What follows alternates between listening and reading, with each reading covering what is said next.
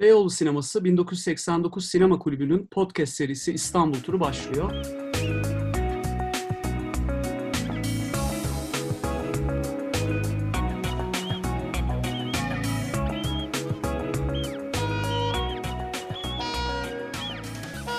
Ben Hakan Bıçakçı. Bu serinin moderatörlüğüne devam ediyorum. 15 günde bir farklı bir konukla farklı bir konu seçiyoruz ve İstanbul'u bir şekilde odakta veya fonda tutmayı deniyoruz. Bugün yazar Nermin Yıldırım'layız. Şehir ve edebiyat üzerine konuşmayı planlıyoruz. Nermin selam, nasılsın? Merhabalar Hakan, teşekkürler. Sen nasılsın? Ben de iyiyim, teşekkür ediyorum. Ee, Nermin Barcelona'da yaşıyor. Daha doğrusu Barcelona'da ve İstanbul'da yaşıyor. Ama bu ara İstanbul'a gelemiyor. Valla e, evet gelemiyorum. İşte İstanbul'a bu ara kimse gidemiyor. İstanbul'dakiler dahil olmak üzere. Öyle enteresan bir zamandan geçiyoruz. Doğru. Kimin nerede olduğu belli değil aslında. Yani hepimiz böyle kocaman bir evin odalarında oturuyoruz gibi bir evet. gerçekten. Karantina boyunca Barcelona'daydın sen. Ara ara haberleştik de. Hı hı. Ve bu sürecin en dramatik ve sert yaşandığı şehirlerden birindeydin. Nasıldı orada durumlar? Bu süreci nasıl geçirdin ve geçirmektesin? Önce bunu konuşarak başlayalım. Valla yani aslında bütün dünyanın bir biçimde hemhal olduğu bir dönemdi. Hani bazı ülkeler biraz daha sert, bazıları daha yumuşak ama hepimiz aşağı yukarı aynı korkularla, aynı kaygılarla geçirdiğimiz için aslında hani reel olarak ne yaşadığımızdan ziyade neler beklediğimiz, hani nasıl bir umutsuzluk, umut, o gelgitler içinde yaşadığımız bence daha çarpıcıydı. Çünkü Hı-hı. biz de burada İspanya'da e, evdeydik hep. Yani sokağa çıkma yasağı vardı. İki buçuk ay boyunca burnumuzu dışarı çıkarmadık öyle söyleyeyim. Dolayısıyla dışarıda kıyamet koptu. Ama biz de onları e, içinden değil dışarıdan işte haberlerden, televizyondan filan görebildik. Çok yakın çevremizde tabii bazı tatsız kötü olaylar da yaşandı. Yani belki başka ülkelerde hani bu kadar yakın temasta olmamış olabilir insanlar virüs belasıyla diyeyim. Ama yani burada şey oldu yani işte 250 binden fazla işte vaka sayısı 28 bini aşkın ölüm yaşandı filan. Yani şimdi artık tabii şey oldu o iki buçuk ay evde durmanın sonunda yani günde bir kişiye bazen hiç filan düştü bu rakamlar ama e, o iki buçuk ay şey geçti tabii yani ürkütücü, korkutucu. En yakınımda yaşanan şey üst kat komşumu kaybettik filan. Hani o, o kadar yakına geldi ama dediğim gibi bütün bu süreçte biz de hep evdeydik ve bir, garip bir şekilde yani aslında o gerçeğin neresinde durduğunu da bilemeden neredeyse böyle bir beyaz ekrandan seyredermiş gibi yani dünyayı seyrettik. Herhalde sizde de öyle oldu aşağı yukarı değil mi? Evet ama komşu örneği çok çarpıcı tabii. O çemberin ne kadar daraldığını evet. çok net hissediyorsun. Fiziksel olarak hissetmişsinizdir tahmin ediyorum. Yani bir de burada şey var şimdi Barcelona'nın mimarisi böyle evler hep avluya bakıyor. Ortak bir avlu oluyor ve e, bu işte ilk başladığı zamanlarda e, oradan sürekli öksürük sesleri geliyordu ve biz sanki böyle artık dört bir yanımız kuşatılmış hepimiz e, bu virüsten hani payımıza düşeni almışız filan gibi o ilk bir hafta iki hafta çok garip bir ruh haliyle geçti. Ama sonra bir biçimde e, biraz yani tabii rakamlar yükselmekle birlikte o dönemde yine de bir kontrol altına alınıyor duygusu da gelmeye başladı. Çünkü yani hiç evden çıkılmıyor falan bütün bir ülke evinde oturuyor. Çok acayip bir şey bu. Hatta yani Hocam. dünyanın büyük bir kısmı. Garip yani o baştaki ne olacak hiçbir şey bilmiyorum. Hep aynı şeyleri yaşadık aslında. Hani çok da şey yapmayayım ama o hiç bilmediğimiz bir şeyin içindeyiz duygusu zamanla bu da işte dünyanın çeşitli periyotlarında yaşanan felaketlerden bir tanesi. Hani e, kendimizi çok da özel hissetmemize gerek yok. Biz ilk defa yaşamış olabiliriz ama bu dünya bunu defalarca yaşadı aslında gibi Aslında bir şeyde dönüştü. Bizim, bizim kuşağa ilk defa denk geldi. Yüz yıl, yılda bir denk gelen bir şey başımıza bizim geldi. Bizim zaten çok acayip şeyler denk geliyor. Bilmiyorum neler göreceğiz. ne var evet. Evet o öksürük sesleri de e, tuhafmış. Yani avludaki oradaki avlu sistemin tahmin edebiliyorum biraz. Hı hı. Yani böyle şey gibi virüsün ayak sesleri gibi sanki değil mi? Yaklaşıyor gibi. Tabii tabii. Pencereyi açsan oradan böyle korona dikenlerini yani uzatacakmış gibi bir durum. Öyle bir ruh haliydi yani. Herkese kolaylıklar diliyoruz bu konuda. Hepinize evet. İzmir Kitap Fuarı'na falan gidecektik Nisan'da değil mi? Öyle et, ortak etkinliklerimiz vardı. Hepsi yalan oldu tabii. Yani işte böyle WhatsApp'lardan görüşmek kısmet oldu. İzmir evet. kordonlarda gezmekken niyetimiz, hayaller. Evet. Gerçekler çok feci oldu. Bu arada Beyoğlu Sineması'nın podcastindeyiz ve sen İstanbul'a son geldiğinde Beyoğlu Sineması'na gitmiştik hatırlarsın. Hatırlamaz mıyım? Quentin Dupieux manyağının Deri Ceket filmini izlemiştik beraber. Çok da eğlenmiştik. Son mutlu günlerimiz olduğunu bilmeden gerçekten çok eğlenmiştik. Evet. Ee, güzel bir ekiple güzel bir film seyretmiştik gerçekten ve o zaman da orada seyrettiğimiz için mutlu olarak seyretmiştik. O sohbetlerimizi de hatırlarsın. Evet. Çünkü şeydi ya yani e, bazen e, istediğimiz filmleri istediğimiz yerlerde izleyemediğimiz zaman o filmlerden aslında alabileceğimiz e, belki de zevki tam olarak alamıyoruz gibi mevzular da konuşuyoruz bazen seninle. Belki şimdi açarız Hı-hı. biraz sonra ama yani öyle güzel bir filmi e, öyle istediğimiz bir sinemada seyretmek ayrıca zevkliydi. Onu söylemiş olayım. Kesinlikle. O dönem şeyi de izlemiştik. Alev almış bir genç kızın portresini de izlemiştik. Onu da başka bir sinemada izlemiştik. Onu mesela bir AVM sinemasında izlemiştik ve izlemek e, durumunda kalmıştık. Evet. Ben sonra onu bir kere daha kafam o kıyaslamaya gitti ister istemez. E, tabii çünkü yani şimdi daha uzun konuşuruz bunları ama o mekanın kendisi de çok belirleyici bir şey aslında. Sinema bir şeyse yani törensel bir şeyse, bir ritüeli varsa e, o salona girişinden tut da yani sadece filmi izlediğin an değil ki öyle olsa evde daha büyük ekranlarda bulabildiğimiz kadar filmi seyreder çıkardık. Ama sinemanın kendisi de zaten mekan olarak da büyülü bir şey. Yani bir AVM'nin havasız bir yerin içine girip de işte yağ kokulu yemek katlarını tırmanıp filan bir karanlık odaya girmek, bir sinema salonuna girmek hissi vermiyor insana. Yalnız alev almış bir genç kızın portresi neydi ya? Bayağı sarsılmıştık hatırlarsın. Ya herhalde benim geçen sene seyrettiğim en iyi filmlerden biriydi. Yani bir, benim biriydi de, derken yani, şey söylüyorum belki en iyisiydi katılırsın mısın? Kesinlikle. The Souvenir diye bir e, İngiliz filmi vardı geçen sene izledim. Benim onunla birlikte en sevdiğim film oldu Alev Almış Bir Genç Kızın Portresi. Ben onu seyretmeyip Alev Almış Bir kız, Genç Kızın Portresi'ne bir daha gittim. Daha kötü bir AVM sinemasında seyrettim bu sefer. bu şekilde kendimi cezalandırdım ki en sevdiğim film o olarak kalsın diye. Ya evet. filmden çıktıktan sonra şeyi hatırlarsın. Garip ya işte o seyrettiğin mekan öncesi sonrası filan. Dört kişiydik ve birbirimize baktık hepimiz. Geceyi orada son seans olmasına rağmen sonlandıramadık. Yani o öyle bitemedi o gün. O kadar büyüleyici bir filmdi gerçekten. Hani gidip Kesinlikle. bir şeyler içmek falan istedik. Böyle bir boş boş duvarlara bakmak, yer yer konuşmak falan. İyi bir film böyle şeyler yapıyor insana. Evet İyi ya, bir sinemada yani. olsa neler yapmazdı deyip tekrar şeye dönüyorum. Yani o e, meşhur alev aldığı, eteğinin tutuştuğu o gece sahnesi mesela. ben ben bayağı o sahneyi rüyamda gördüğüm bir an gibi hatırlıyorum. Yani rüyamdan bir e, imge gibi hatırlıyorum ve başka insanların da görmüş olması, böyle bunun ortak hafızalarda olması bazen garip ve mantıksız geliyor. Sanırım işte başyapıt olmak böyle bir şey sanki büyük ihtimalle işte yarın öbür gün aslında hatırlamayacağımız, daha doğrusu hatırladığımızı bilmediğimiz o sahne hepimize benzer şeyler, benzer duygularda buluşturup belki de benzer aksiyonlar almamıza sebep olacak. Benzer şeyler. Yani biz, bizim o bilinçaltımız şu anda. Evet. Bilinçaltımıza doğru süzülüyor. Bizi ne yapacak, bize neler yaptıracak bilmiyoruz ama gerçekten şeydi yani çok büyük filmdi, çok büyüleyici bir sahneydi. Bu arada konuştuğumuz iki filmin ortak noktası da Deri Ceket'teki asistan kızla Alev evet. Almış bir genç kızın portresindeki ya oradaki yanan kız. Aynı oyuncu ya o da çok tuhaf.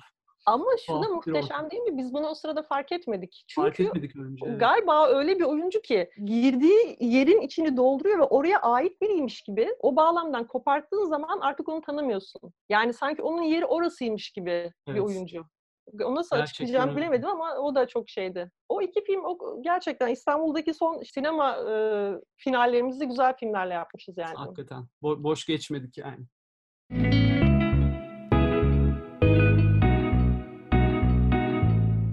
Peki şehir ve edebiyat diyeceğiz ama e, edebiyattan önce şehirle ilişki durumun nedir? Yani en klişe tabiriyle şehir insanı mısın diye soracağım. Yoksa bir başka klişeden de, dem vurursak senin de bir noktada sahil kasabasına yerleşme fantezilerin var mı?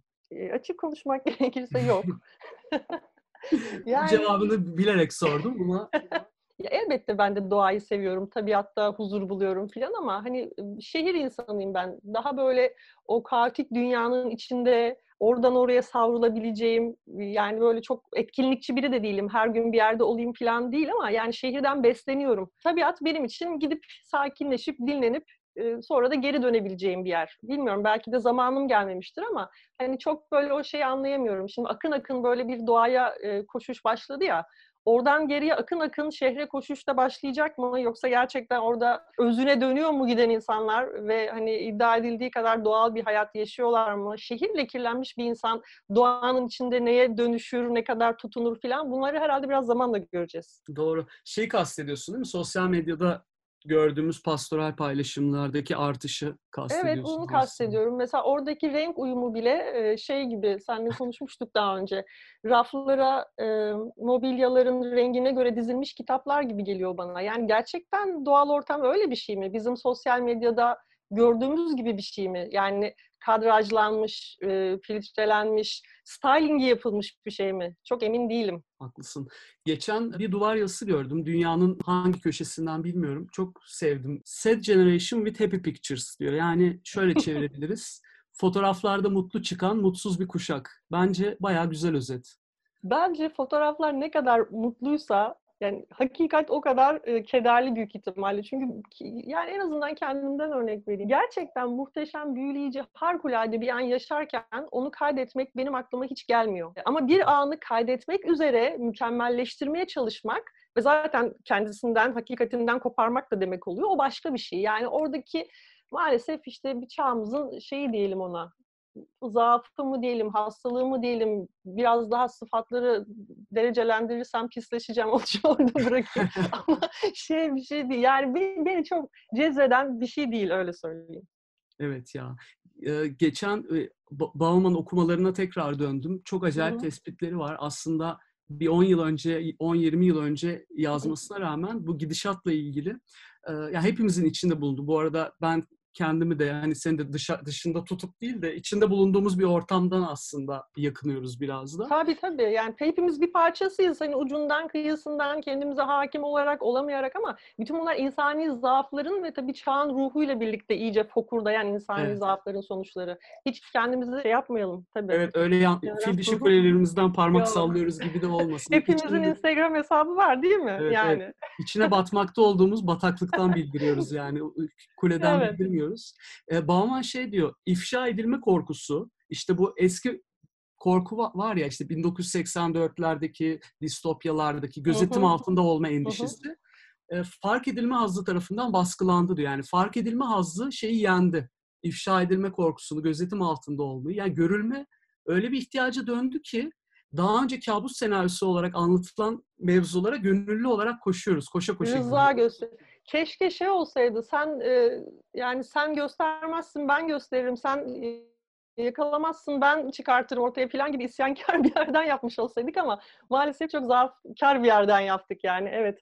Bir tür onaylanma, görünme e, şeyiyle, arzusuyla yani her insanda olan normal evet. duygularla bir tür gösteriye dönüştü bütün hayatlar. Artık evet. kendi yani hayatımızın filmini çekiyoruz sürekli. Görülüyorum öyle varım Hı-hı. durumuna geldik. Bir de bu konuda geçenlerde evet. yine şeye rastlamıştım. Ben Özelim diye bir kitap vardır ayrıntı yayınlarından. Bu mevzulara çok güzel giriyor. Bu e, sosyal medyadaki işte üretilmiş kişilik profili durumu. Hani herkesin kendini orada Hı-hı. bir sunduğu hal var ya. Onun girişinde hiç unutamadığım bir bölüm vardı bir papazı anlatıyor. Hobi olarak Elvis taklidi yapıyormuş papaz. Böyle ortamlarda Elvis Presley gibi giyinip şarkı söylüyor. Çok da tatlı bir hikaye. Ama oradan şeye geliyor yani günümüzde diyor artık iş ve din gibi kurumlar bireyselliği besleyecek kapasitede değil. Yani senin işini iyi yapman, kariyerinde düzgün işler yapman, belli bir konuda yolda gidiyor olman kesmiyor artık. Böyle bir e, tam demin dediğin gösteri gibi aslında bir gösteri yapman e, bekleniyor ve e, papaz bir anda Elvis Presley'e dönebiliyor yani. Öyle bir çağa girdik galiba. Yani bir de şey de var, e, sadece yaptığın şeyleri göstermekten de çıkmış durumda. Gösteremediğin şeyleri yapmamaya da dönüşmek üzere aslında yaşadığımız şey. Bu da e, yani dünyayla ve kendimizle kurduğumuz ilişki bakımından çok kısırlaştırıcı ve hani evet. sonunun nereye de gideceğini öngöremediğim bir şey. Keşke şey olsaydı gerçekten. Hali hazırda yaptığım şeyi bir de paylaşıyorum. Hani o paylaşma şey var ya oradaki kelimesi. o da çok yani paylaşmanın tümüyle içini boşaltan bir kullanımı oldu. Hani işte çoğaltmak için paylaşmak plan gibi bir şey değil. Orada işte bir karakter, bir persona inşa etmenin yolu olarak kendininkinden vazgeçerek ve kendi hani zamanından, gününden, hayatından vazgeçerek yaptığın bir şey. Ya yani oradaki insanlar biz değiliz galiba. Yani papaz ne kadar Elvis'se biz de o kadar oradaki insanlarız. Değil mi? O Elvis örneği çok güzel. Papaz ve Elvis örneği bayağı güzel. Yani Elvis Presley evet. sosyal medyadaki profilimiz, Papaz'sa gerçek hayat gibi bir durum var. İşte galiba bunun arkasında da bir dışlanma korkusu, dışlanma hastalığı gibi de anlaşılabilecek de bir şey var galiba. Dışında kalmaktan korkuluyor yani. Peki e, şehirde yaşamaktan e, biraz aslında madem senle konuşuyoruz iki şehirde birden yaşamak yani İstanbul ve Barcelona hattında yaşamak nasıl ondan biraz bahsetmeni isteyeceğim. Çünkü bu şu yüzden önemli. İster istemez net bir kıyaslama. Yani şimdi odamızda İstanbul var ya. İstanbul'u aslında Hı hı. en güzel e, senin gibi bir trafikle gören insanlar bence değerlendirir. Şey gibi bu. Hani arkadaşını uzun süre görmezsin sonra birden görünce kilo almış bulursun, yaşlanmış bulursun ama her gün gördüğün kişiyi hep aynıdır ya. E, sen biraz böyle bir fırsatın oluyor. Uzaktan bakabilmek gibi aslında. Belli bir mesafeden bakabilmek gibi. Valla sevgili arkadaşım İstanbul'u her gördüğümde bedenen şişmiş, e, yağlanmış, kilo almış, karakter olarak zayıflamış görüyorum. Dolayısıyla arkadaşımla aram biraz bozuk bu ara. Hmm. Yani e, tabii ben iki şehirde yaşıyorum ama benim evim yani e, evimi eşyalarımı Barcelona'ya taşımamış olmama rağmen 10 senedir benim evim İstanbul. Yani köküm işte şu anda belki hani düzenli yaşadığım yer değil ama geleceğimi gördüğüm yer ne bileyim böyle bazen düşünürsün ya hani öleceğin yer falan orası. Hani o kadar oraya bağlıyım. Zaten biliyorsun sen de çok çok sık yani bu e, karantina işleri olmasaydı çoktan oradaydım şimdi. Böyle Evet. 2-3 ayda bir geliyorum. Geldiğinde yine böyle 2 ay falan kalıyorum. Neredeyse yarı yarıya yaşıyorum yani. Bazen dönüş biletini almadan geliyorsun. Çoğu zaman hatta öyle yapıyorum. Yani e, o tamam arkadaşımla bir kavuşup görüşüp birbirimize doyana kadar kalıyorum yani İstanbul'da. Ama yani artık biraz alıştım fakat özellikle böyle bir 5 sene önce falan çok üzüldüğümü hatırlıyorum şeyde. Çünkü normalde bizim şey yapmamız gerekir. Şehirlerin içindeyken de dışındayken de gidip geldiğimizde de e, böyle 10-20 senelik periyotlardan bahsetmiyorsak büyük değişimler olmaması gerekir. Yani bizim aa burası ne kadar değişmiş kentsel dönüşüm hikayelerinden dünyanın her yerinde aşağı yukarı benzer bir e, durum söz konusu şu anda ama İstanbul'daki gerçekten çok agresif. Yani ben iki ay sonra geldiğimde yürüdüğüm sokakları tanıyamaz halde oluyordum ve çok üzüldüğümü hatırlıyorum. Çünkü benim de tabii herkes gibi orada evimde rutinlerim var. İşte görmeye alıştığım park var, efendim alışveriş yaptığım fırın var, şu var, bu var. Bu, bunlar zaten bu rutinler bir yere ev yapan, kendini de oraya ait hissetmeni sağlayan, tanıdığın, bildiğin yerde olduğunu düşündüren şeylerdir. İstanbul'da bunlar elimin altından hepimizin olduğu gibi hızla kayıp gitti benim. Yani her döndüğümde, eve her döndüğümde başka bir eve dönüyormuş duygusuyla. Mesela işte evim İstiklal Caddesi'ne çok yakın olduğu için kaldığım yer işte böyle hep yaptığım şeyler. Bir kitapçı var, hep oraya gidiyorum. İşte bir sinema var, hep oraya gidiyorum falan. Böyle arka arkaya uğradığım yerler. Ee, yani böyle kendi kendimi protesto edip e, bir kalış boyunca diyelim bir buçuk iki ay hiç oraya çıkmadığımı biliyorum çünkü çok üzülüyordum. Yani burası benim evim değil ki artık. Hı. Hani evimi yıkmışlar falan gibi bir duygu oluyordu içimde ama hepimizde var galiba bu duygu. Evet yani çok derinden hissediyorum ben dediğin şeyleri. Yani gerçekten eskiyi düzenli olarak sırtından atmayı böyle marifet sayan bir e, şehre dönüştü gerçekten İstanbul. Ve dediğin gibi hani kentsel dönüşümün olumlu örnekleri de olabilir belki ama bizim yaşadığımız adına ne denir bilmiyorum. Yani turbo kentsel dönüşüm mü denir? Yani bu kesinlikle söylediğin gibi şehirle kurduğumuz ilişkiyi bence etkiliyor, dönüştürüyor. Hatta kendimizle kurduğumuz ilişkiyi de etkiliyor. Çünkü e, dediğin gibi e, sürekli gittiğin mekanlarla aslında yani benlikle mekan arasında bir e, ilişki oluyor bir noktadan sonra kuruluyor ve mekanlar bu kadar değiştikçe senin kendinle kurduğun ilişki de bence zedeleniyor. Sürekli bir e, şimdiki zaman içinde yaşıyoruz yani sürekli güncellenen bir şimdiki zaman. Her tarafta sizin için yenileniyoruz yazıyor ya beni acayip ürperten, tedirgin eden bir şey o. Sizin için yenileniyoruz. Belli ki orası bozuluyor ve Ben korkunç bir yere ki içinde, dönüşecek. evet. Ya benim için keşke yenilenmese. Yani benim için en güzeli bir sürü şeyin aynı kalabilmesi. En kıymetli olan o. Yani bu tabii ki nerede o eski bayramlar tadında bir şeye dönüştürmek de istemiyorum ama bence dinleyenler ne demek istediğimizi anlamıştır. Geçen şeyi okudum çok yakın zamanda. Hatta bugün de konuşuruz diye e, not da aldım. Haldun Taner'in Düşsem Yollara Yollara diye bir e, gezi kitabı var. Çok güzel. E, tüm kitapları hı. çok güzel. Orada işte Avrupa seyahatlerini anlatıyor. Bayağı da bir gezmiş kendisi. E, ve Avrupa seyahatlerini anlatırken gezdiği şehirlerden biri için eskiyle yeni birbirini yemiyor. Yan yana rahatça yaşıyor büyük metropollerde. Gün görmüş büyük şehirleri büyük şehir yapan da işte bu tolerans diyor. Yani bu eskiyle yeni birbirini yemiyor cümlesini çok sevdim. Gerçekten bizde sürekli yeninin eskiyi yediği bir durum var. Bizde çünkü geleneğe bağlı yani muhafazakar bir toplum olduğunu iddia edip de e, bu kadar geleneğinin dışında geleneğine bağlı olmayan mirasını reddeden yani mimarisinden tut da işte bu sayabileceğimiz bir sürü kültürel başka motife kadar nasıl olabiliyor böyle bir şey ben de bunu anlamıyorum. Bu söylediğin şeyi çok önemsiyorum bu arada yani şehirle kentli benlik arasındaki ilişkiyi bizi biz yapan nedir? Şimdi değildir. Tamam yani biz hani böyle bir zaman şey il- ilerliyoruz yani geçmişle birlikte e, öyle büyük taşımak istemiyoruz belki ama sonuçta e, bizi bu şimdiki halimize getiren bütün o hatıralar bütünü bağlamsız şeyler değil. Onun için bir tek sinema salonu, bir e, işte tren garı, petrol yediğim bir pastane hani çok böyle simgesel şeyler üzerinden hepimizin bildiği yerler üzerinden anlatıyorum ama yani bütün bir şehri sayabiliriz aslında. Bunlar kendilerinden ibaret mekanlar değil. Bunlar bizim hayatımızı, çocukluğumuzu, bizden öncekilerin belki işte babalarımızın, onların babasının filan hani e, bir ortak bir bağ, bir tarihi aslında kapsayan, kaldıran yerler. Mesela şeye çok kıskanıyorum neredeyse yani. Joan'ın e, gittiği burada şeyle oturduğu üniversite yıllarında oturduğu kafeyle babasının kendi üniversite yıllarında oturduğu kafe aynı kafe. Şimdi bu çok büyülü bir şey değil mi? Yani bu baba oğul ilişkisi üzerinden söylemiyorum ama bir kafenin işte 30 sene, 40 sene, 50 sene, 60 sene o üniversitenin öğrencilerine hizmet vermiş olması, o çocukların hepsinin o masadan geçmiş olması, orasının da başka bir üniversiteye dönüşmüş olması bu haliyle aslında.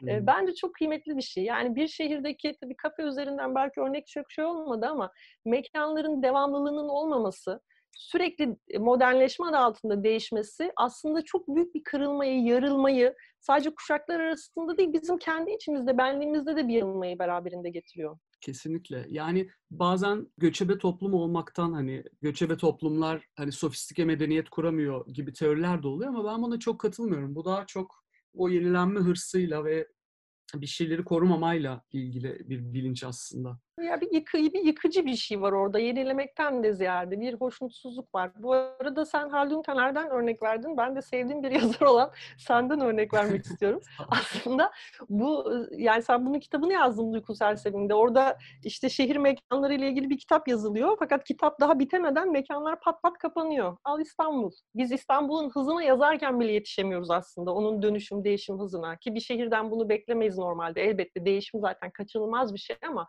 bu kadar hızlı, agresif ve yıkıcı olmasının sonuçları da böyle yıkıcı oluyor. Kesinlikle yani ben o kitabı yazarken ki, ki çok da uzun bir süre değil 2-3 sene içinde de yani e, kitabın yazılışında da İstanbul'da bir sürü yer kapandı. Kitabın içinde kitaba giren yerler kapanırken ben kitabı yazarken de bir yandan İstanbul'da bir sürü yer, e, bir sürü bağ kurduğumuz e, zihnen yerinde kapandığına da tanık oldum bir yandan. Sinir bozucu bir deneyim de oldu benim için. Hani bir an önce bitirsem mi acaba falan gibi bir ruh haline de girdim. İnsan kendi parodisine dönüşüyor çünkü. Yani Evet. bu hız meselesi sadece mekanlarda değil. Yani senin de başına başka zamanlarda gelmiştir. Benim de yazarken geliyor. Bazen böyle çok komik bir şey bulduğumu zannediyorum. Aa diyorum ne kadar ilginç. Dur şunu hemen yazayım. Çünkü bu o kadar absürt ki. Asla olamaz. Aman da ne kadar zekiyim falan diye kendi kendime seviniyorum böyle. Ben kitabı yani onu yazıp da kitap basılana kadar yani pek çok örnek verebilirim bununla ilgili. O şeyin daha da beteri, neredeyse aynısı ama daha da beteri gerçekleşmiş oluyor. Dolayısıyla onun edebi bir değeri kalmadığı gibi gerçekten hani e, olanın parodisine ama kötü bir parodisine dönüşüyor. Yani bizim de işimiz zor aslında. Yıldırtıcı bir Şeyde, süreç düşünsene. olabiliyor bu. evet. Yani bir şey öngörmek falan bırak hani böyle kara mizah, absürt bir şey. Onlar bile şey hayatın yani İstanbul hayatının daha doğrusu Türkiye'deki hayatın ve dünyadaki hayatın hızına bizim hayal gücümüzün yetişme imkanı olmuyor. Kesinlikle. Ben bu eskinin yeniyi yemesi yememesi mevzusuna yıllar önce bir e, yurt dışı seyahatinde Almanya'nın bir şehrinde bir müzik markete girdiğimde e, acayip bir şey fark etmişim. Yani çok küçük bir örnek bu aslında ama bir yandan da çok şey anlatıyor. Bizde hep şeydir ya mesela kaset kasetler vardır. Sonra CD çıkar ve CD çıkınca kaset yok olur. Çünkü artık CD vardır. E, bu teknolojiler geliştikçe işte yeni bir telefon modeli çıkınca bir eski telefona kılıf bile bulamazsın bütün İstanbul'u dolaş mesela. Biz de böyle bir e, Doğru. böyle bir halde yaşıyoruz aslında. Bunlar Al al çok- at bizde kullan Evet. at her şeyi. Tarihi de öyle, telefonu da öyle, mekanı da öyle. İş ya bunlar at. çok küçük ve basit örnekler ama bir yandan da her şeyi anlatıyor. Ee, Almanya'daki müzik markette dolaşıyorum CD'ler arasında. Bir döndüm arkamı kaset bölümü var. Yani CD'ler de duruyor, kasetler de duruyor ve aa dedim kasetleri de tutuyorlar ve şeyi fark ettim yani bunu almaya devam etmek isteyen insanlar da var demek ki. CD'ler çıktı ama bir yandan e, kasetten dinlemek isteyenler için kasetler de duruyor. Orada bir e, aydınlanma yaşamıştım aslında. Bizde asla CD'nin çıktığı gün yani ertesi gün kaset bulamazsın. Kasetler depoya kaldırılır, CD'ler vitrine koyulur. Ta ki onun da yenisi gelene kadar e, gibi bir durum var. Bu şekilde de hızlanarak yaşamaya devam edeceğiz sanırım. Bunun temposu da artıyor sanki bu hızın.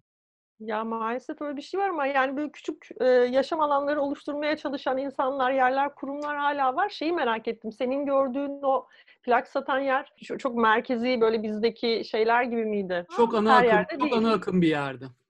Hmm. E, o, Yoksa o bir evet, şey gösteriyor. Arayıp tarayanın bulacağı şey özel şey bir durum yani. değildi. Evet.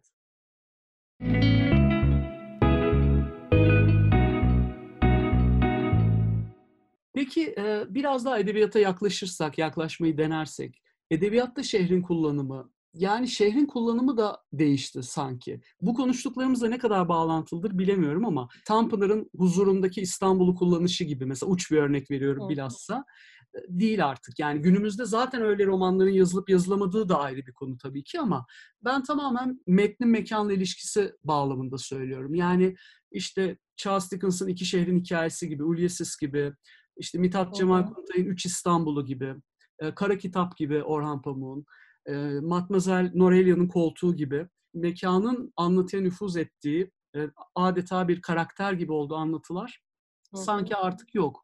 Daha çok karakter veya olay odaklı. Şehir sadece fon olarak var. Bazen bir atmosfer katmak için var gibi bir durum var. Bununla birlikte aslında e, bu konudaki fikrini soracağım. Sonra şeye de geleceğim. Aslında insan, ya bütün tanımlamalar gittikçe azalıyor. Yani insan da artık edebiyat anlatmıyor, tarif etmiyor. Şehri anlatmadığı gibi. Yani eskiden mesela işte bir e, Balzac'lara falan baktığımızda e, işte burnu kemerliydi, gözü kestane rengiydi, elmacık kemikleri çıkıktı falan gibi detaylar. Dikkat edersen artık bu detaylar yok. Tamamen e, karakterin zihnindeyiz aslında. Yani şeyleri falan e, hani mekan tasvirlerini işte eskiden e, böyle bir medya kullanımı yoktu. İnsanlar böyle şeyleri hayal edemiyorlardı, bilmiyorlardı. Onun için uzun uzun tasvir edilirdi. Şimdi ondan edilmiyor falan gibi böyle e, şeyler de var, açıklamalar da var ama ben tabii bunu pek ben edebiyattan bunu beklemediğim için bu açıklama da beni tatmin etmiyor. Ama senin söylediğin şeye katılıyorum. Yani artık bir şeyi tasvir etmek, bir şeyi kişileştirmek, bir şeyin derinine inmek, nüfuz etmek filan eskisi gibi değil. İstanbul aslında edebiyatın elinden çok çekmiş bir şehir bence. Şehre davrandığımız gibi kullanmışız neredeyse İstanbul'u. Böyle bir göklere çıkartmışız, bir şey yapmışız yani en en önemli karakter şeyi düşün. İşte senin verdiğin örnekten hareketle Tanpınar'daki Mümtaz'la Nuran'ın aşkının fonu değildir mesela İstanbul. Neredeyse evet. sebebidir, biçimidir filan. Hani o kadar evet. içindedir. Ya da işte dünyada da baktığın zaman işte bu Kafka'nın Pırağı'ndan tut, işte Dostoyevski'nin St. Petersburg'undan tut, Joyce'un Dublin'le tut. Böyle şehirlerle senin de verdiğin örneklerdeki gibi birleşmiş, neredeyse aslında o şehri anlatan, o şehrin dokusunu, sesini, nefesini bir insanmış gibi anlatan yazarlar, öyle kitaplar varmış zamanında. Şimdi bu zamanda değil zamanda biz şehirlerle öyle ilişki kurmuyoruz. Ama mesela İstanbul'un edebiyattaki şeyine baktığında ondan da öncesinde İstanbul hep böyle bir metiyeler düzülen, efendime söyleyeyim harikulade böyle bir masal dünyası falan gibi uzunca bir süre anlatılmış. Yani e, bu halk edebiyatından tut. Evet tabii romantize edilen. iki tür var aslında. Bir şey var, daha böyle dışarıdan, dışarıdakileri anlatılan neredeyse, daha oryantalist bir İstanbul var. O işte daha masalsı. Bir içeriden bakılan, içeridekilere anlatılan ve içeridekilerin anlattığı, daha böyle kişileştirilmiş o zaman. Mesela semtlerin bile kişileştirildiği, yani semtlerin adını alan romanlar var biliyorsun. Ve hmm. biz o semtin adını gördüğümüzde içindeki dünyayı anlıyoruz. Çünkü bizim için şey bir şey o. Yani bir karakter. O semtin kendisi bir karakter. Orada içerideki her ne hikaye varsa onu tek başına sembolize edebilecek kadar güçlü. Bırak şehir. Zaten İstanbul o anlamda çok yani hep bildiğimiz şeyler çok zengin bir şehir. Ama aslında şey yapılmış. Yani işte halk edebiyatında işte daha destansı falan aman da İstanbul güzel de İstanbul böyle o semai kahvelerde toplanan şeyler halk şairleri. Sonra divan edebiyatında zaten böyle yine yani bir lale devri İstanbul'u neredeyse muhteşem bir İstanbul. Sonra daha hani işte o senin bahsettiğin döneme geldiğimizde biraz daha böyle e, anlaşılır bir İstanbul. Yani bağ kurulabilecek, gerçekten yaşayan organik bir İstanbul'la karşılaşıyoruz ama bugüne geldiğimizde artık İstanbul yok. Fakat bunun sebebi artık İstanbul yok. Yani öyle bence karakterize edebileceğimiz, seveceğimiz, nefret edeceğimiz, ayıracağımız falan o özellikler o kadar hızlı değişiyor ki. Bak işte sen yazdın aslında bir şehrin bir anlamda romanını yazdın, değişiminin romanını yazdın. Roman bile değişimin hızına yetişemedi diyorsun. Yani hmm. şimdi biz İstanbul'u nasıl bir karakter olarak ancak şeyiyle yani senin sıklıkla yaptığın gibi ancak bu öfkesiyle, rahatsızlık duygusuyla e, herhalde yer verebiliyoruz. Yani belki o ikimiz iki farklı şey yapıyoruz aslında galiba bu konuda. Belki hmm. onu konuşuruz sonra ama evet, evet. şeye çok katılıyorum. Artık romanlardaki İstanbul bugünün romanındaki İstanbul eskiden romanlarda gördüğümüz İstanbul değil ama İstanbul'da zaten o İstanbul değil. Yani değişmesi normal ama o değişim hızı bir karakter barındıramadan değişiyor maalesef gibi geliyor bana. Evet evet ya dediğin çok doğru çünkü bu daha önce verdiğim örneklerde şehir bir karakter olarak hatta bir e, klişedir ya bu hani edebiyat okumalarında şehri bir karakter olarak görmek. Hı hı. E, şehir o kadar karakterini kaybediyor dediğin gibi o kadar karakter olmaktan çıkıyor ki şehri bir karakter olarak olumlu ya da olumsuz koyamıyorsun. Yani ben yazarken geçen bölümde Kutlukan Kutlu'yla da bilim kurgu üzerine konuşurken de konusu açılmıştı. Şehri karanlık, zehirli ve çirkin ve anti estetik bir şekilde ele almak. Benim gerçekten sevdiğim bir konu. Tabii ki bu bir gelenek. Yani sırf bilim biz bilim kurguda konuştuk ama mesela Victor Hugo'nun sefillerine baktığında Paris'ten çok Paris'in lağımlarını anlatıyor. İşte Dickens Londra sokaklarını böyle tutkulu dev bir tiksintiyle anlatıyor. Tabii ki bu seçimlerin dönemlerle ilgisi de var. İşte sanayi devriminin sefaleti, salgın hastalıklar günümüze benzetmek gibi olmasın. Durumlar da var ama ben hep bu e, kirli, arızalı, çalışmayan e, taraflarına özellikle biraz belki fazla, belki de bir ergen öfkesiyle, provoke edici bir şekilde yani basılan her kaldırımın bozuk olduğu, yani taşların ayağının altında oynadığı karakterlerin bir şehir tarif etmeye çalışıyorum. İşte Ahmet Senin Rasim... de bu kadar mülayim bir insan olup edebiyatının bu kadar öfkeli olmasını evet, birisi bize açıklayacak mı acaba bir gün? Ben açıklayamam ama bir açıklarsa dinlemek isterim. İşte Ahmet Rasim şey der ya manzaranın güzelliği hüznünde yatar diye. Tam o hüzün aslında benim gözümde o çamur, bozukluk, kırıklık, deforme durumlar aslında. Öbür türlüsü böyle öbür türlüsü bana biraz turistik geliyor. Tabii ki aslında burada dozu çok önemli. Ya öyledir ya böyledir diye bir şey yok. Bunun binlerce tonu var. Ama diğer türlüsüne kaydığımda bu turistik bir anlatı olacak gibi korkuyorum. Sanki hani aşkı anlattığında aşk romanı yazacaksın korkusu vardır ya. Bu da aslında ergence bir tavır. Ben de o da vardır mesela. Hep soğuk ve mesafeli e, yaklaşıyorum. E, senin nasıl bu konuda şehre yaklaşımın? Ya önce ben senin yaklaşımının daha e, gerçekçi bir yaklaşım olduğunu düşünüyorum. Ergenci olduğunu düşünmüyorum. Biz öfkeliyiz. Yani öfke e, her ne kadar ergenlerle birlikte anılan daha çok bir duygu olsa da çok insani ve lazım bir duygu. Hatta belki de yeterince öfkeli değiliz yani. Onun için bunları belki. konuşuyoruz. Ya da böyle öfkemizi ancak konuş işte neyse. Yanlış öfkeli diyoruz belki de. Velhasıl yani seninki daha doğru bir bakış açısı. Biz şehre baktığımızda şehri bir, yaşarken ve birbirimize anlatırken zaten artık şöyle demiyoruz. İşte gidelim de bir kanlıca da yoğurt diyelim Hakan'cığım. İşte efendim yani böyle yaşamıyoruz artık. Böyle söyleniyoruz. Vay efendim sinemamızı yıktılar, işte şurayı yaktılar, bu hakemin haline. Şimdi bunu böyle yaşarken yani başka türlü yazsam ben senin samimiyetinden şüphe duyarım. Yani şeyle şey samimiyetinden de şüphe duyarım. Bakış açın, hani anlattığın tabii. şey, kurduğun hikaye filan. Şimdi şu durumda ben kendi samimiyetimden şüphe duyarak başlayayım bir kere hikayeye. Çünkü ben senin gibi yazmıyorum. Ee, benim İstanbul'um genellikle tema olarak böyle ev duygusu, işte hafıza filan bellek üzerinden yazdığım için e, bendeki İstanbul genellikle yaşarken de yaptığım gibi dönülen yer oluyor. Yani özlenen yer oluyor. Yani hatırlanan yer oluyor ve böyle e, tabii hatırlarken şeyi hatırlamıyorum. İşte bu kendi aramızda konuşup acı çektiğimiz meseleleri değil, özlediğim şeyleri hatırlıyorum. Dolayısıyla Hı-hı. benim kahramanlarım genellikle Pierre Loti'ye bir tırmanıyorlar filan. Orada çay içiyorlar. İşte Hı-hı. yani benim zamanında yapmayı sevdiğim şeyleri yaptıklarını anıyorlar filan. Hep çünkü öyle bir bağlamda yazıyorum. Ama bir taraftan seninle bunu yakın zamanda konuştuk ve sonra bir şey fark ettim. Ben bunu hep böyle yaptığımı zannederken aslında daha güncel metinlerde kahramanlarımın kendi kendileriyle bu halleriyle bunu farkında olmadan yapmışım dalga geçtiğini Yani Hımm. kendi klişeleriyle artık sahip olmadıkları o şeyi böyle melankolik bir şeyle, eee, neredeyse sapıkça arayışlarıyla dalga geçtiklerini, eee, fark ettim. Yani şimdi çok uzun şeyden bahsetmeyeyim kendi yazdığım metinden ama, Yo, bahset. yani bir final yapmak istemiş mesela bir kahraman, bir şehirle vedalaşmak istemiş. Hı hı. Eee, işte şunu, şunu, şunu, şunu yapardım, keşke onu yapabilseydim filan diye bütün bu romantik şeyleri anlattıktan sonra gitmiş bir AVM'de hamburger yemiş. Finali böyle yapmış. Yani bu aslında ben değildim. Ben nasıl bu hâle geldim bilmiyorum.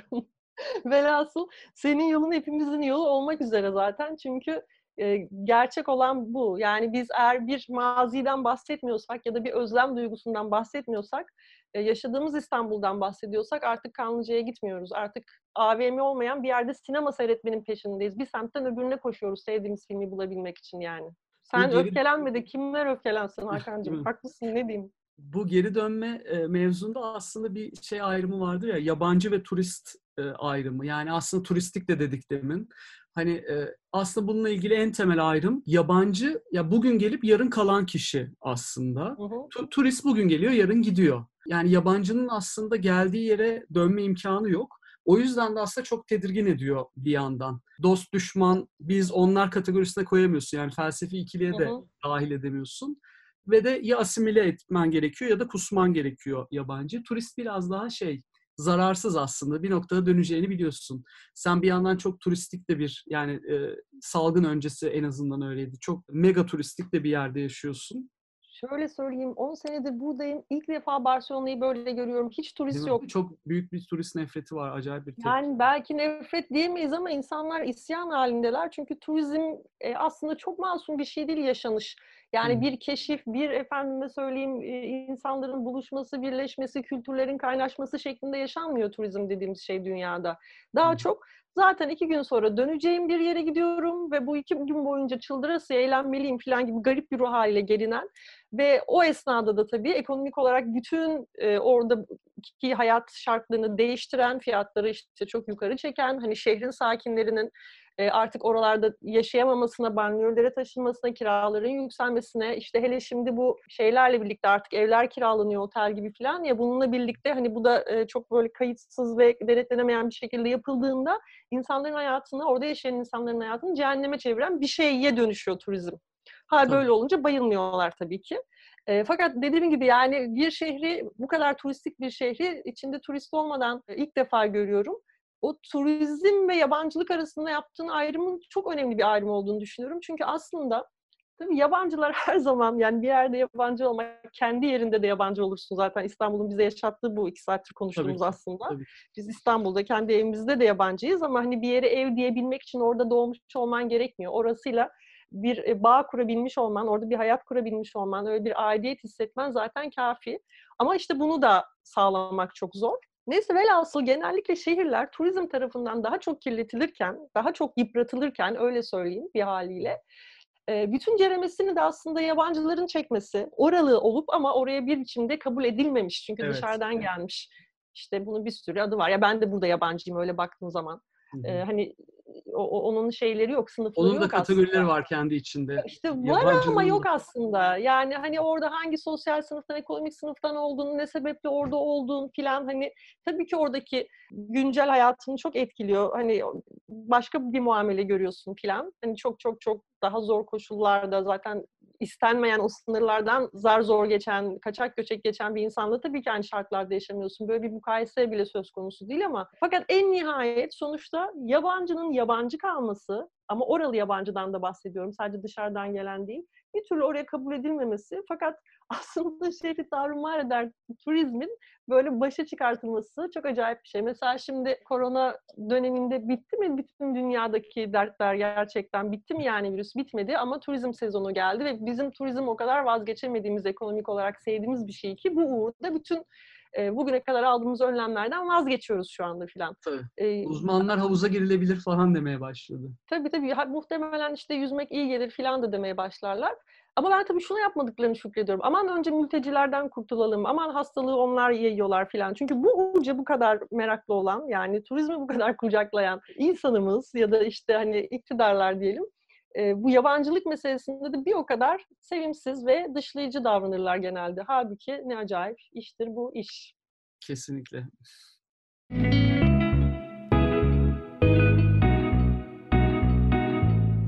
Edebiyat ve şehir denince ilk akla gelen bir mevzu var. Onu da konuşabiliriz diye düşünüyordum. Ona da bir ucundan bağlanıyor aslında. Bu işte flanörlük ve flanözlük. Yani şehirde yürüyen adamlar, şehirde yürüyen kadınlar durumu. Flanör deyince de böyle serbest gezen tavuk falan geliyor aklıma birden. Nedense. Kir, kirli bir zihin. Yani böyle bir şey adı ama uçuş uçuş fırfırlı bir adı var flanörün. Böyle bir flanör, şey yapacağım bir şey yani. Evet. Yani bir orada da bir tabii bir tercih olarak aylaklık, e, bilinçli bir aylaklık, hani bilinçli tüketici gibi bilinçli aylaklık ve bir kentte yürüme sanatı durumu var. O aslında e, bu evde hissetme haline şuradan bağlanıyor. Yani Burjuva kendini dört duvara hapsediyor ya şatolara, malikanelere. Hı hı. Orada kendi evinde hissediyor ama flanör sokakta evinde hissediyor. Bu da aslında başından beri konuştuğumuz mevzularla çok alakalı maalesef. Yani ev, o evde hissedememe durumumuz, kendini sokakta evde hissetme çok muhteşem bir duygu aslında. E, onu yaşaman için de senin ilk başta söylediğin işte fırının, sinemanın orada durması gerekiyor aslında bunu yaşayabilmen için. Belki orayı bilmen gerekmiyor, adım adım bilmen gerekmiyor ama orada huzurlu, güvende, sana o ev şey duygusunu veren, yabancı bir yerde değilim, başıma korkunç şeyler gelmeyecek duygusunu veren bir yerde elbette daha rahat yürüyorsun. Yani hmm. hani hiç bilmediğim yerlerde ben yürümeyi de çok severim. Ama oraların zaten hiç bilmediğim yerler olduğunu bilirim ve bu bende bir kırıklık yaratmaz. Aksine bir neşe kaynağı olur. Ama evimin önüne çıkıyorsam, kendi mahallemde yürüyorsam ve ben o mahalleyi artık bilmiyorsam bu çok kalp kıran bir şey, kederli bir şey yani.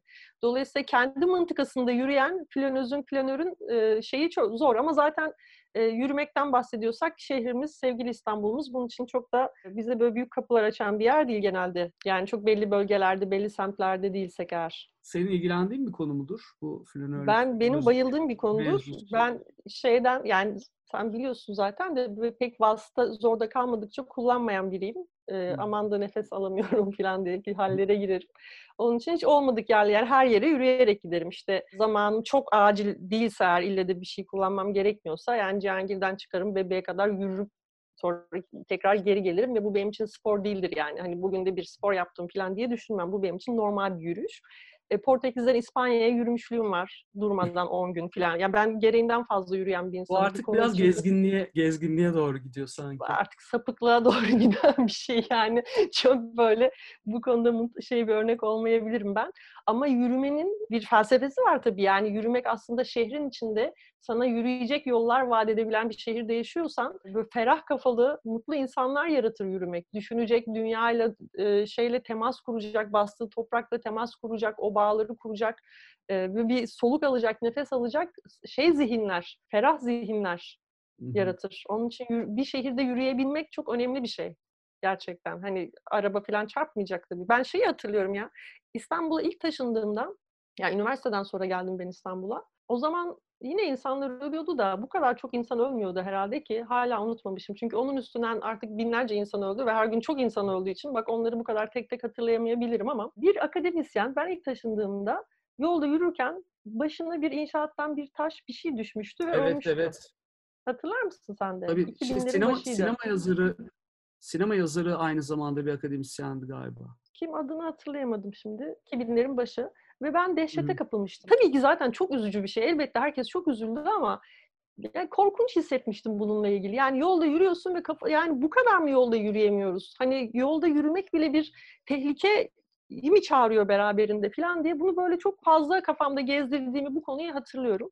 Sonra İstanbul'daki böyle dördüncü, beşinci senemde Cumhuriyet Caddesi'nden aşağı yürürken bir binanın tepesinden, yüksek binalar orada, bir koca bir e, taş parçası ayakkabımın ucunda, tam ucunda parçalandı. Yani böyle bir saniye farklı kafamda parçalanabilirdi. Böyle şoka girdim zaten. Kıpırdayamadım bir süre oradan falan. Ve e, yani bu tabii kafanıza taşlar düşmesine gerek yok. Trafiği ayrı, bir şey ayrı. Zaten park meselesi her zaman sorun. Yani deprem toplanma alanımız bile yok. Geçtim hani böyle bir flanörlük, flanözlük yapalım. Elimizi kolumuzu sallayarak böyle bir kuşlar, böcekler öyle yürüyen bir hayatımız olsun öyle sakinleşelim falan. Maalesef dünyanın en güzel şehirlerinden biri olan şehrimizi bu şekilde kullanmayı tercih ettiğimiz için bize bu büyük özgürlüğü, bu küçücük aslında ama büyük özgürlüğü bize vermiyor. Şartlar müsait değil yani. flanözlük için, flanörlük için diyoruz. Ya işte çok hayallerimiz var da gerçekleştiremiyoruz yani. Hani belli yerlerde yürüyebiliyoruz. Paris'te çıkmasının sebebi şeymiş. Daha kompakt bir yapısı olması şehrin. Yani her yere başka arterlerden geçmeden yani şehrin Hı hı. içinde kalarak hani bir merkezden başka bir merkeze koridorlar olmadan bağlı olduğu için aslında orada çıkmış işte e, Flo, ilk Flaubert'in duygusal eğitimindeki karakteriyle çıktı söyleniyor. Frederick karakteri. İşte sonra Baudelaire, Rilke, Benjamin'ler falan topa giriyor. Bir yandan e, Rusya'da tabii ki sadece Paris'e özgü değil. Rusya'da da mesela Dostoyevski için daha şehirli bir flanör olduğu söyleniyor. İşte Nikolay Gogol falan daha böyle işte halk yaratıcılığı, halk tipi bir e, birey. Tolstoy da mesela daha şey, doğa içinde köylüler gibi sade yaşamayı seven e, kişi. Hatta bir Gogol öyküsünde geçiyormuş Tolstoycu diye tanım olarak yani işte dediğim gibi doğa içinde o tip e, hayatı tercih eden aslında yani çok Pastoral gibi bir şey mi demekmiş yani şey Gibi, demek, Tolstoy evet. demek. Yani Tabii, aslında evet. hepsi e, çok büyük isimler ama tercihleri farklı olabiliyor. Bir de bu e, yine bu konuyla Bu ilgili- yakın zamana gelelim koşanlar var biliyorsun. Murakami'de koşmasaydım yazamazdım Evet, ben. Aslında yani koşan. yürümek gerçekten hani bir zihinsel faaliyet için e, yani bir düşünme biçimi ve işte yazmakla filan bu tür şeylerle meşgul olan insanlar için de bir zihin hazırlama evresi. Sen yürür müsün bilmiyorum. Var mıdır Evet öyle evet şeyler? yürürüm. Yani en kötü dört dönerim yani. İmkansızlıklardan dolayı.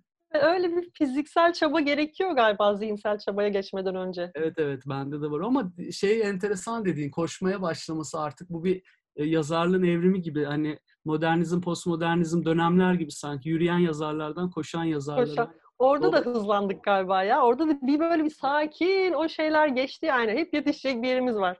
Yazacaksak da koşarak önce bir şeyi atıp sonra mı yazıyoruz bilmiyorum. Fark, doğru bir şey aslında bak fark ettin evet.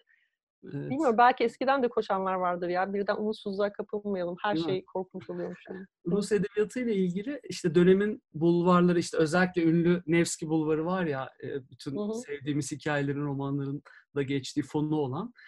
Orada mesela insanlar için ilk bu bulvarda yürüdüklerinde işte insanlardan kasıt da o çok sevdiğimiz küçük insan karakteri aslında işte o Rus edebiyatındaki bizim de edebiyatımızda olan ve orada bir açmaza dönüşen bir görülme deneyimi oluyor. Bu meydana bulvara çıkıyorlar. Aynı anda hem arzu hem de korku yaratan bir e, çifte doğa durumu oluyormuş. Yani orada hem görüldüğün için tedirgin oluyorsun hem de hoşuna gidiyor. Piyasa yapıyorsun günümüz tabiriyle. Tam E, aslında o dönemin sosyal medyası mıymış Tam yani evet, acaba? Yani ilk başta konuştuğumuz sosyal medyadaki e, duruma da çok benziyor aslında. Hem tedirgin olup hem uzakta geride kalamama e, durumu. Biz şimdi bulvarda da değiliz. Kendi bulvar gazetelerimiz daha feci bir şey böyle iyice kavramlar iç içe.